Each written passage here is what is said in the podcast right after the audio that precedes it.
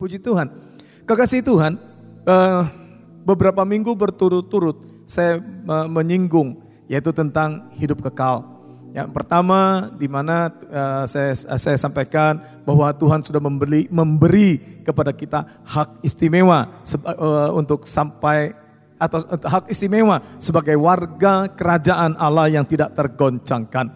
Kemudian yang kedua untuk uh, kita perlu belajar kita apa yang ada di negara atau di kerajaan yang di yang di mana eh, Allah sudah memberikan kepada kita hak istimewa untuk tiba di sana. Syarat-syarat apa yang harus kita lakukan? Bagaimana supaya kita menjadi atau pada waktu kita tiba di sana kita tidak ditolak.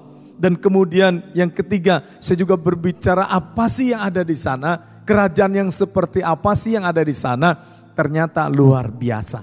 Ya, eh, artinya eh, kerajaan itu luar biasa, eh, kota-kotanya, tembok-temboknya terbuat dari emas, bukan bagaikan emas, dari emas murni.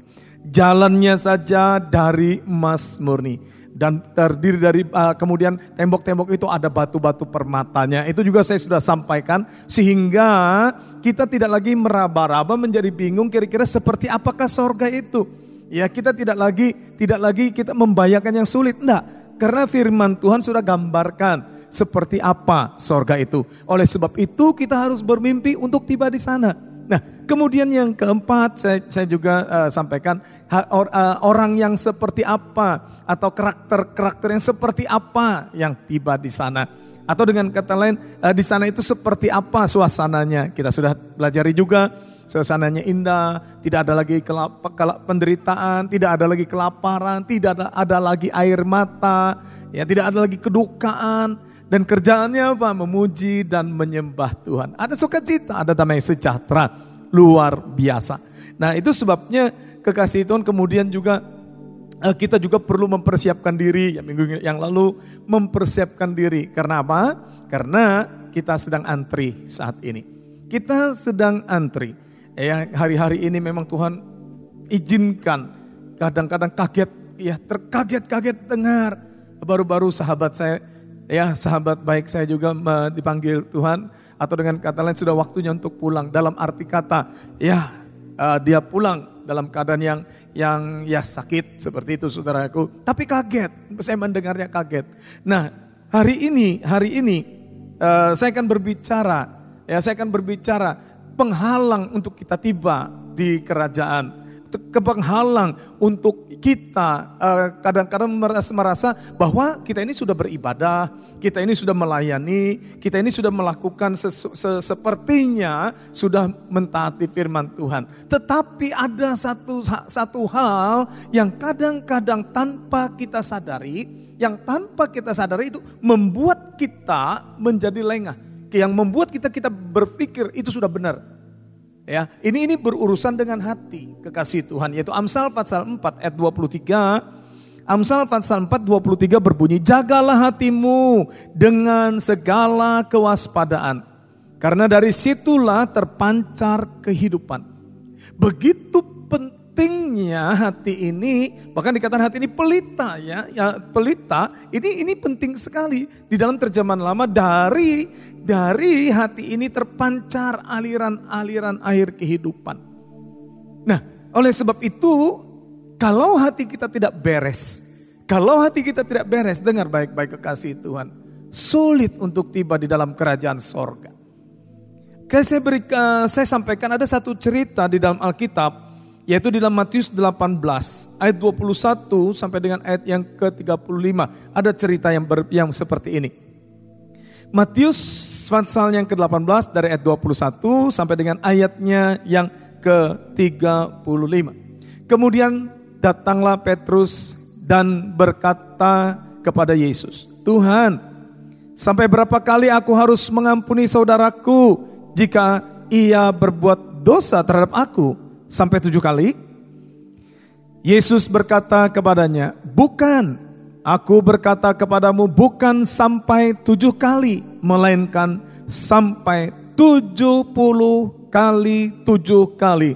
Tujuh puluh kali tujuh berarti empat ratus sembilan puluh kali. Ya, itu kalau dihitung seperti itu.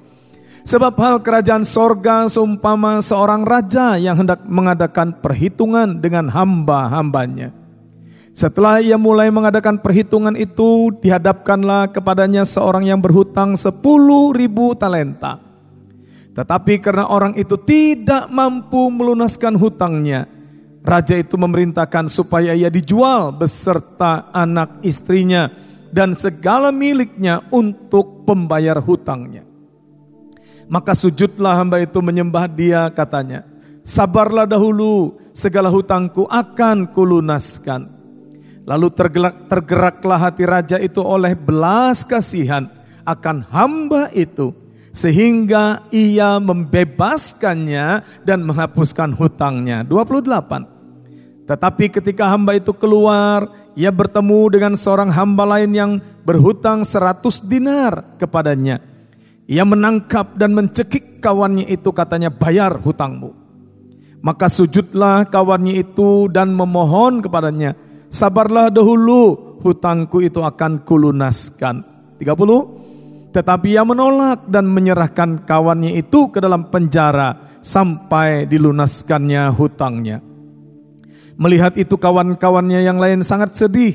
Lalu menyampaikan segala yang terjadi kepada tuan mereka. 30 Dua, raja itu menyuruh memanggil orang itu dan berkata kepadanya, Hai hamba yang jahat, seluruh hutangmu telah kuhapuskan karena engkau memohonkannya kepadaku. Bukankah engkau pun harus mengasihani kawanmu seperti aku telah mengasihani engkau? Maka marahlah tuannya itu dan menyerahkannya kepada Algojo Algojo sampai ia melunaskan seluruh hutangnya. 35 maka Bapakku yang di sorga akan berbuat demikian juga terhadap kamu.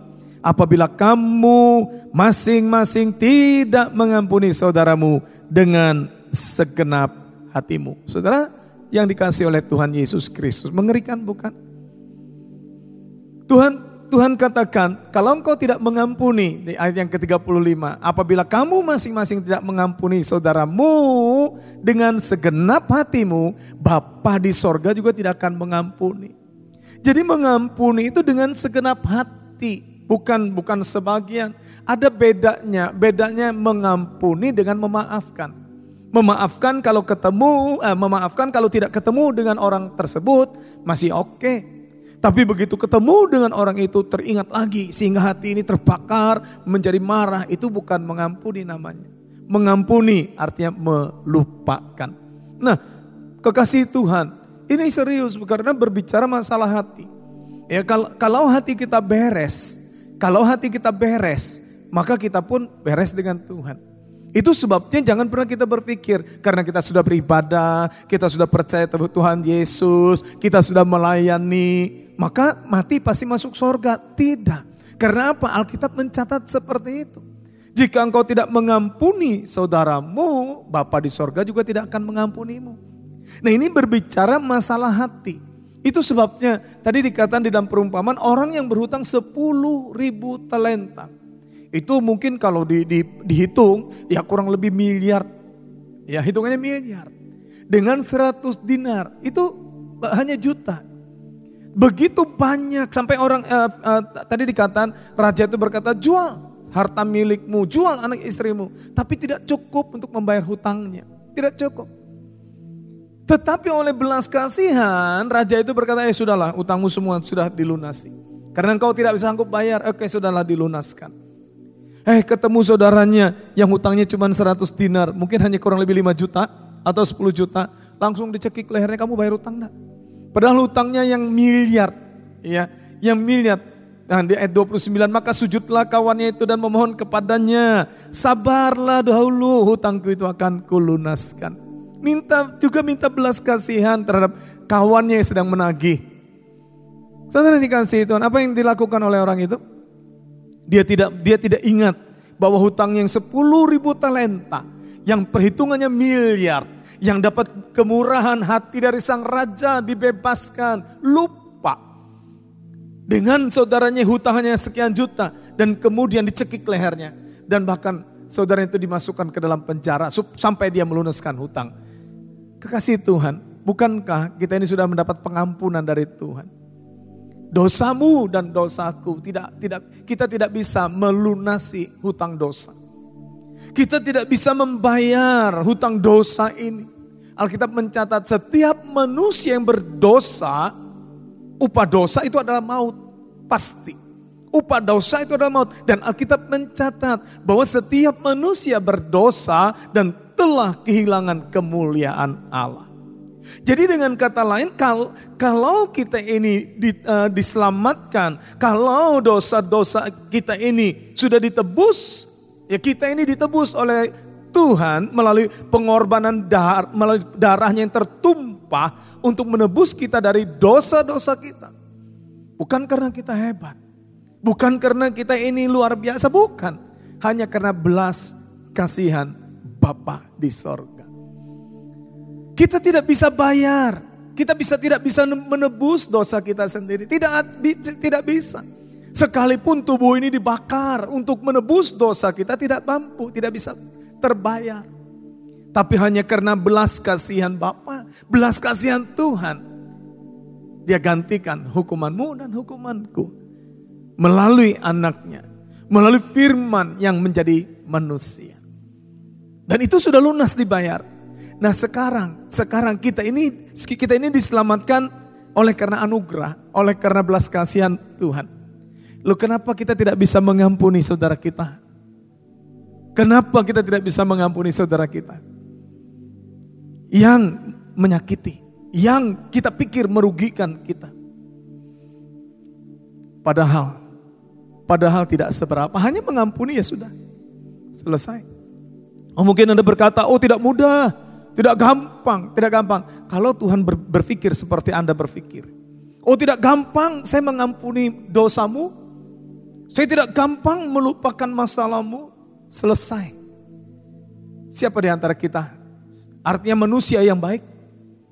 Siapa manusia yang tidak berdosa? Siapa yang manusia yang sudah berbuat baik? Di mata Tuhan tidak ada yang baik. Alkitab mencatat tidak ada seorang pun yang berbuat baik. Tidak ada seorang pun, bahkan seorang pun tidak. Jadi saudara yang dikasih oleh Tuhan Yesus, kalau pada waktu kita menyadari kita ini hidup karena anugerah. Kita, ini eh, didamaikan dengan Bapa di sorga melalui kematian Yesus. Nah kita mengampuni saudara kita yang ber, bersalah dengan kita. Tidak sampai kita mati kok saudaraku. Tidak sampai kita mati, hanya kita mau atau tidak, itu saja. Mau atau tidak. Nah tetapi mengampuni tentu saja dengan segenap hati. Jangan tanggung-tanggung. Kita lihat di dalam Injil Markus. Pasal yang ke-11. Ayat 26. Tetapi jika kamu tidak mengampuni, maka Bapamu yang di sorga juga tidak akan mengampuni kesalahan-kesalahanmu. Kalau Bapak tidak mengampuni, saudara yang kasih Tuhan. Jelas. Jelas tidak mungkin Anda sampai ke sorga. Walaupun sudah dikasih hak privilege, hak istimewa oleh Bapa, sudah dikasih melalui Yesus Kristus Tuhan. Ada jaminan, ada jaminan, ada kepastian untuk saudara dan saya masuk sorga. Tetapi bagian kita, bagian kita, kalau Bapak, bagian Bapak sudah menyediakan, bagian kita untuk melakukan, untuk mentaati apa yang firman katakan untuk menuntun kita supaya kita hidup sesuai dengan warga kerajaan. Seperti apa sih warga kerajaan itu? Salah satunya adalah hati ini loh harus beres. Makanya ini yang tanpa kita sadari menghalangi kita untuk masuk sorga. Sekali lagi saya katakan untuk masuk sorga bukan lagi berurusan dengan Tuhan. Masing-masing kita. Masing-masing kita. Dari sisi Tuhan sudah beres. Dia sudah tuntaskan, dia sudah selesaikan caranya, bagaimana untuk masuk surga sudah selesai. Tapi selanjutnya saudara dan saya akan mempertanggungjawabkannya. Dia akan menentukan apakah kita masuk surga atau tidak. Nah salah satu penghalangnya, salah satunya adalah hati yang tidak beres. Yang tidak mau mengampuni. Kita lihat satu Yohanes pasal yang keempat. Ayat yang ke-20 yang berbunyi. Jikalau seorang berkata aku mengasihi Allah dan ia membenci saudaranya, maka ia adalah pendusta. Karena barang siapa tidak mengasihi saudaranya yang dilihatnya, tidak mungkin mengasihi Allah yang tidak dilihatnya. Saudara, saudara bagaimana kita bisa berkata aku mengasihi Tuhan yang tidak kelihatan? Sementara dengan saudaranya yang kelihatan tidak bisa mengasihi. Bagaimana istri, seorang istri bisa berkata aku mengasihi Tuhan yang tidak kelihatan. Sementara dengan suaminya yang tidur bersebelahan aja dia tidak bisa mengasihi. Benci, marah, dendam, sakit hati. Bagaimana bisa mati masuk sorga? Bagaimana seorang suami bisa berkata aku mengasihi Tuhan yang tidak kelihatan. Sementara dengan istrinya yang nampak, yang kelihatan, yang tidurnya bersebelahan. Tidak saling mengasihi.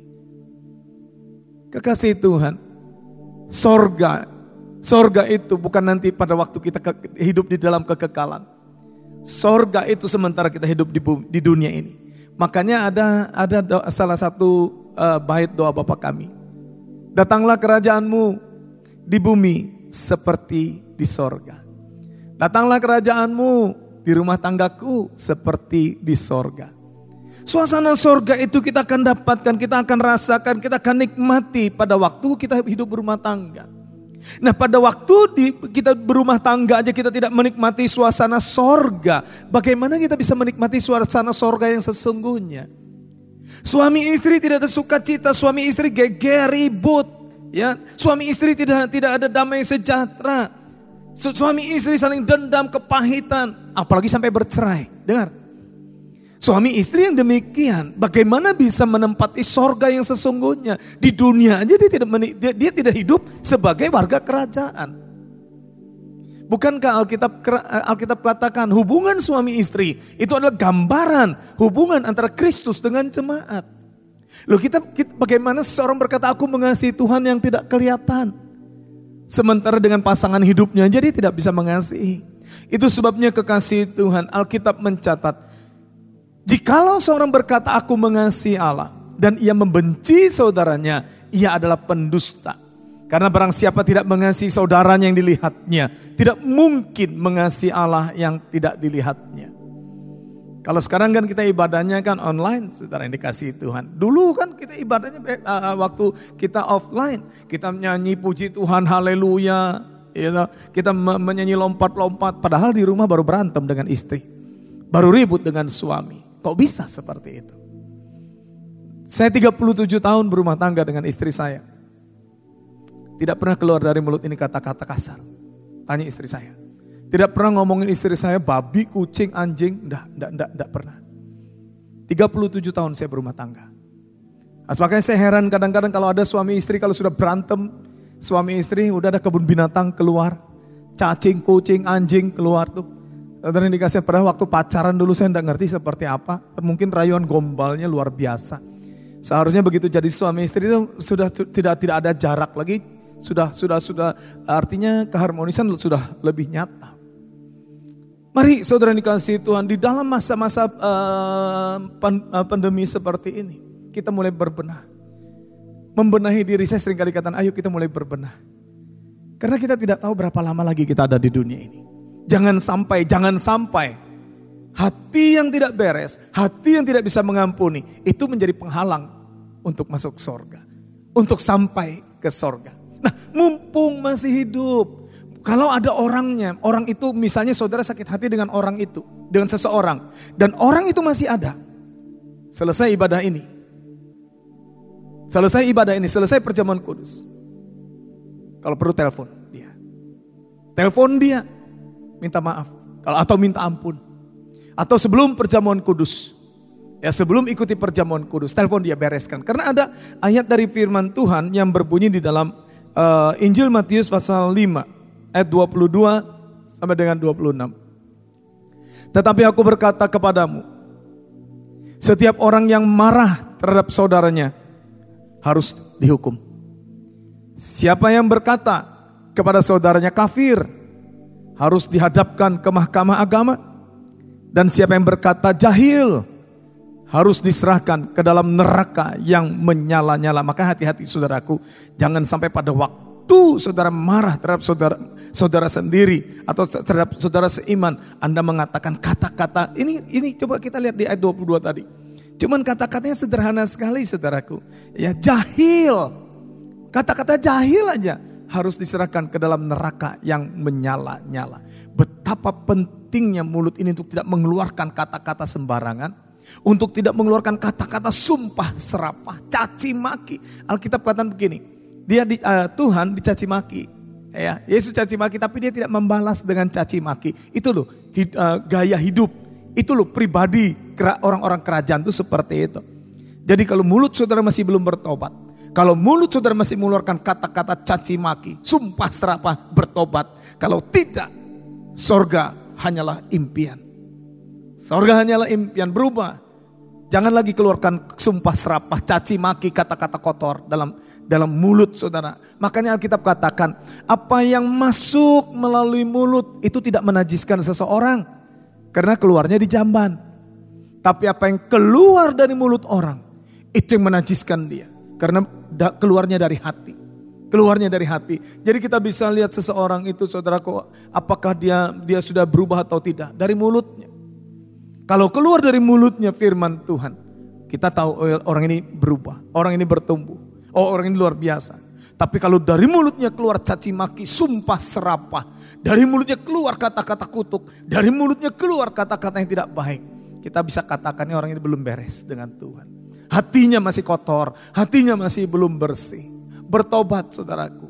Karena kita tidak tahu berapa lama lagi hidup di dunia ini. Kalau engkau mati, masih hatimu masih belum beres. Saya kasih tahu, sorga hanyalah impian. Loh saya berbicara ini bukan berarti, wah uh, saya menghakimi orang. Saya sok benar, bukan, bukan. Ini firman Tuhan berbicara seperti itu. Dan saya pun harus belajar. Saya ngomong seperti ini saya juga belajar. Saudaraku siapa yang sempurna? Siapa yang sempurna? Tapi mau ndak mau karena apa? Goal kita itu adalah sorga. Ngapain dunia kan cuma sementara. Rugi. Siapa yang rugi saudaraku pada waktu kita menyimpan kebencian loh. Pada waktu kita men, me, me, apa namanya dendam dengan seseorang siapa yang rugi? Bukan orang lain, kita yang rugi. Akibatnya Pak sakit penyakit, akibatnya Pak menjadi kang, kanker, tumor. Itu Pak saudaraku. Eh, orang lain yang kita benci, orang lain yang kita uh, yang kita dendam, mungkin dia masih bisa ketawa ketiwi, hmm.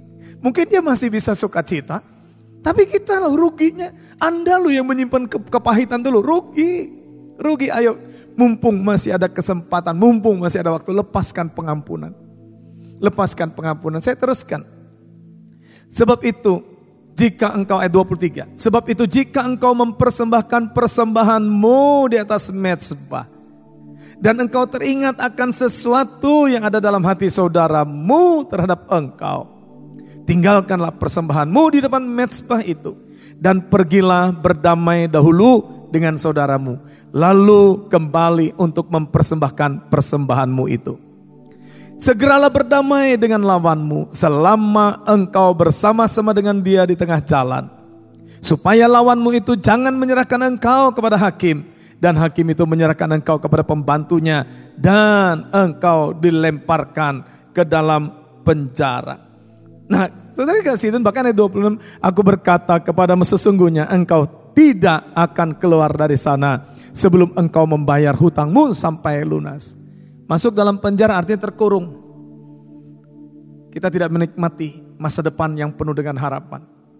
Masuk dalam penjara artinya kita tidak menikmati segala kelimpahan dan kebaikan Tuhan. Hanya terkurung. Tidak bisa melihat segala yang sesuatu yang baik yang datangnya daripada Tuhan. Di penjara, di terkurung. Hanya melihat ukuran yang sudah di, yang terbatas. Tidak melihat jauh ke depan dalam rencana Tuhan. Padahal rencana Tuhan atas hidupmu dan hidupku adalah damai sejahtera. Hari depan yang penuh dengan harapan. Itu sebabnya kekasih Tuhan Yesus Kristus, ayo lepaskan pengampunan selagi ada kesempatan. Selagi Tuhan beri waktu. Jangan kita buang-buang waktu. Jangan kita buang-buang waktu. Jangan anda, anda berpikir ini ini uh, apa namanya kebencian atau membenci seseorang atau dendam seseorang terhadap seseorang itu normal, itu biasa anda.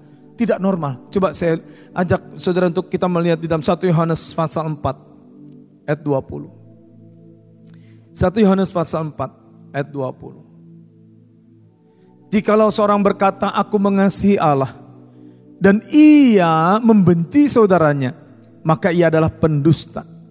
Karena barang siapa tidak mengasihi saudara yang dilihatnya, tidak mungkin mengasihi Allah yang tidak dilihatnya. Tidak mungkin. Dan ayat terakhir, 1 Yohanes 3 ayat 15. 1 Yohanes 3 ayat 15. Yang berbunyi demikian. Setiap orang yang membenci saudaranya, perhatikan. Setiap orang yang membenci saudaranya adalah seorang pembunuh manusia. Dan kamu tahu bahwa tidak ada seorang pembunuh yang tetap memiliki hidup yang kekal di dalam dirinya. Betapa kita harus jaga hati ini. Makanya firman Tuhan katakan, jangan membalas kejahatan dengan kejahatan. Kalahkan kejahatan dengan kebaikan. Luar biasa. Memang Tuhan berkata begini, Agama mengatakan mata ganti mata, gigi ganti gigi. Tapi aku berkata kepadamu, kasihilah musuhmu dan berdoalah untuk orang yang menganiaya kamu. Kekasih Tuhan, ini adalah hari-hari di mana kita diberi kesempatan oleh Tuhan untuk berbenah. Di mana kita diberi waktu oleh Tuhan untuk membenahi. Jaga hati ini, pelihara hati ini. Rugi rugi. Tuhan sudah beri waktu, kita masih hidup, tapi masih menyimpan kebencian, masih menyimpan dendam. Rugi. Lepaskan pengampunan. Selagi ada kesempatan. Lepaskan pengampunan selagi Tuhan kasih waktu. Tinggalkan, kata Tuhan, tinggalkan persembahanmu yang kau taruh di atas mezbah. Berdamai dulu. Di sana Tuhan tidak berkata, karena kamu yang salah. Kamu minta maaf, enggak. Di sana Tuhan tidak pernah berkata karena eh, karena yang salah itu teman muda pada waktu kamu mempersembahkan korban di atas mezbah dan kamu teringat kepada saudara, tentang saudaramu terhadap terhadap engkau terhadap engkau ayo tinggalkan dulu tinggalkan dulu persembahan di atas mezbah tinggalkan berdamai dulu berdamai dulu itu sebabnya Tuhan berikan kita kesempatan sampai hari ini saudara dan saya masih hidup sampai hari ini kita masih bernapas ini satu anugerah sebelum kematian menjemput saudara dan saya.